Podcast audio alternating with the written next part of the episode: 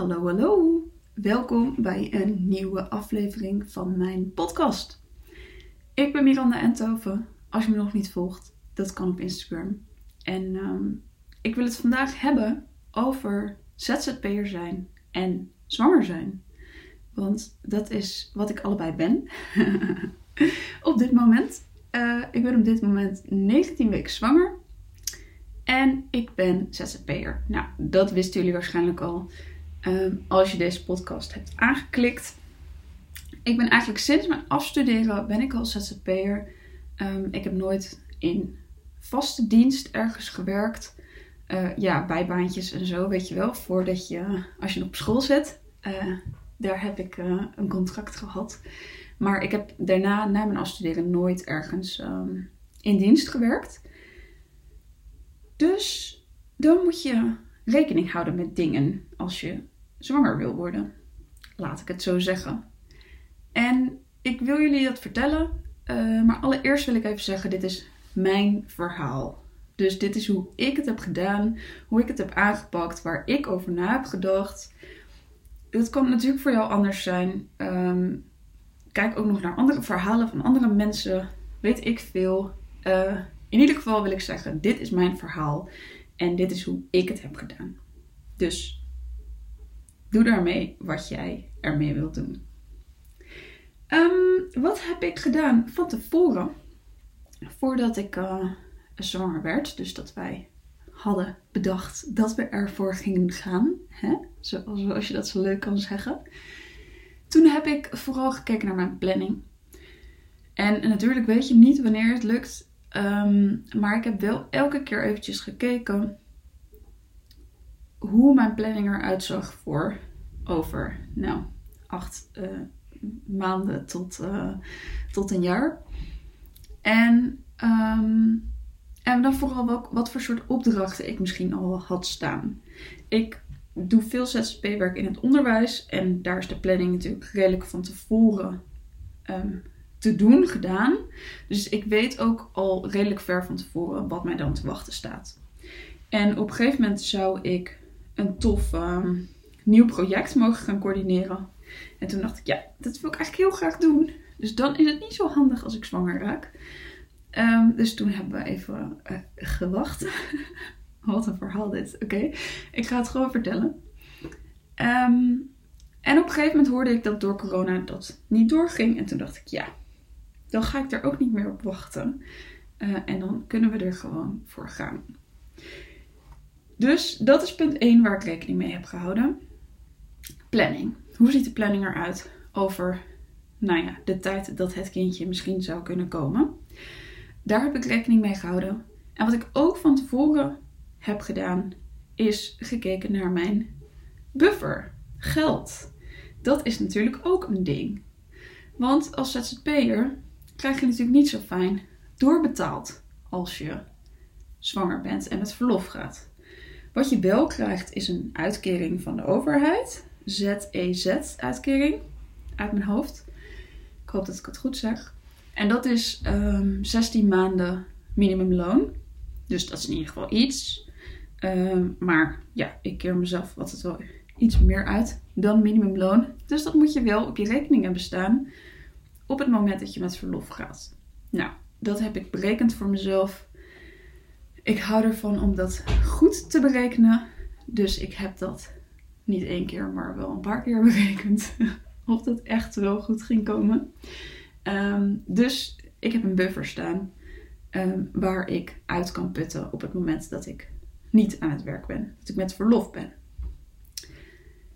En dan dat is eigenlijk wat ik van tevoren heb bedacht. Ik wou zeggen, er is nog iets, maar ik denk dat dit is wat ik van tevoren berekend heb, gekeken heb. Nou ja, kijken hoe dat in elkaar zat. En op het moment dat je dan zwanger bent, dan ga je natuurlijk weer wat verder denken. Um, dus dan weet je op een gegeven moment wanneer je uitgerekende datum is. Dan kan je je verlof inplannen in je agenda. Um, dus dan weet je, nou, in die maanden ga ik in ieder geval niet werken. Um, als je een vaste klus hebt als ZZP'er, zoals ik heb bij de Hogeschool van Amsterdam, dan kan je dat natuurlijk doorgeven. Van nou, die maanden ben ik er niet.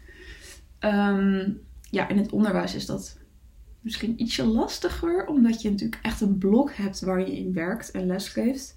En daardoor kan ik dus twee blokken geen les geven. Want ja, ik zou halverwege het tweede blok weer kunnen gaan werken. Maar ja, ik kan niet halverwege het blok les gaan geven.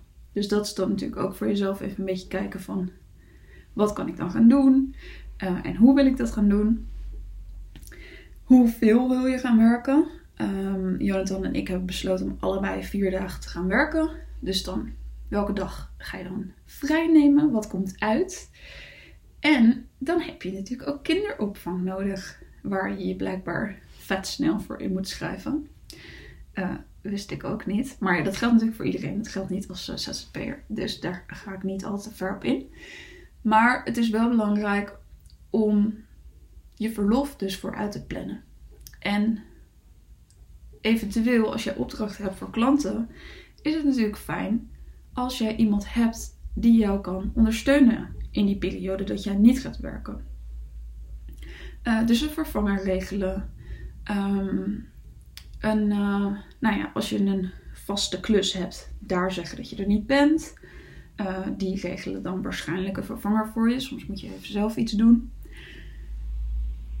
Um, zorg ervoor dat het duidelijk is. Dus dat het dan op een gegeven moment op je social media komt te staan, op je website, weet ik veel. Het moet natuurlijk, je wil niet dat je mail ingesteld is, dat het uh, een berichtje stuurt naar mensen dat je er niet bent. Je wilt natuurlijk niet gestoord worden, zeker niet in die eerste weken. Kan ik me zo voorstellen. Oké, ik weet er nog niet zoveel van, maar dat is wat ik me erbij voorstel. Um, dus ja, zorg dat dat soort dingen, dat je daar allemaal van tevoren over na hebt gedacht. En dat je dus die ZEZ-uitkering aanvraagt. Dat kan je doen vanaf 24 weken.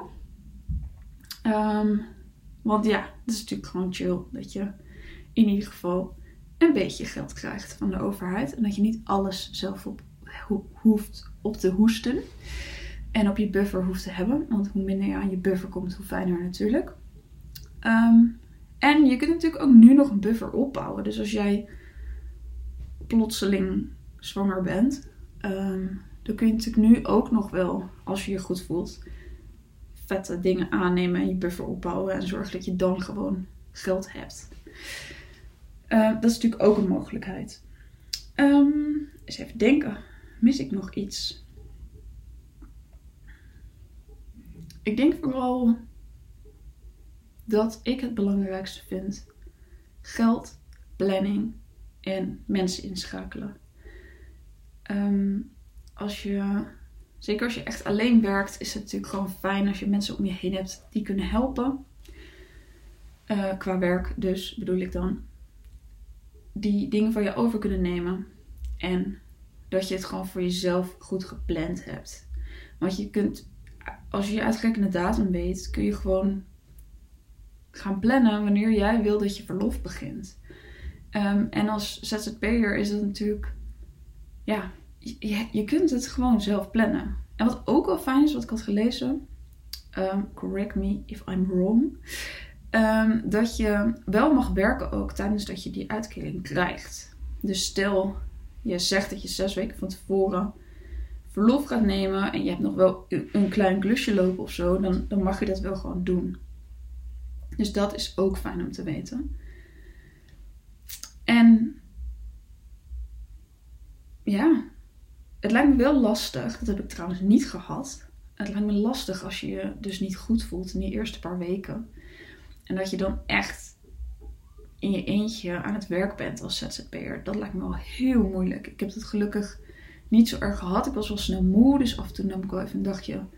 Deed ik het wat rustiger aan. En dan werkte ik een half dagje. Maar dat lijkt me wel heel moeilijk als je je echt heel rot voelt. Dat je dan de motivatie moet vinden om aan het werk te gaan. Dat lijkt me een ding. Ik heb dat zelf niet gehad, dus ik kan er niet over meepraten.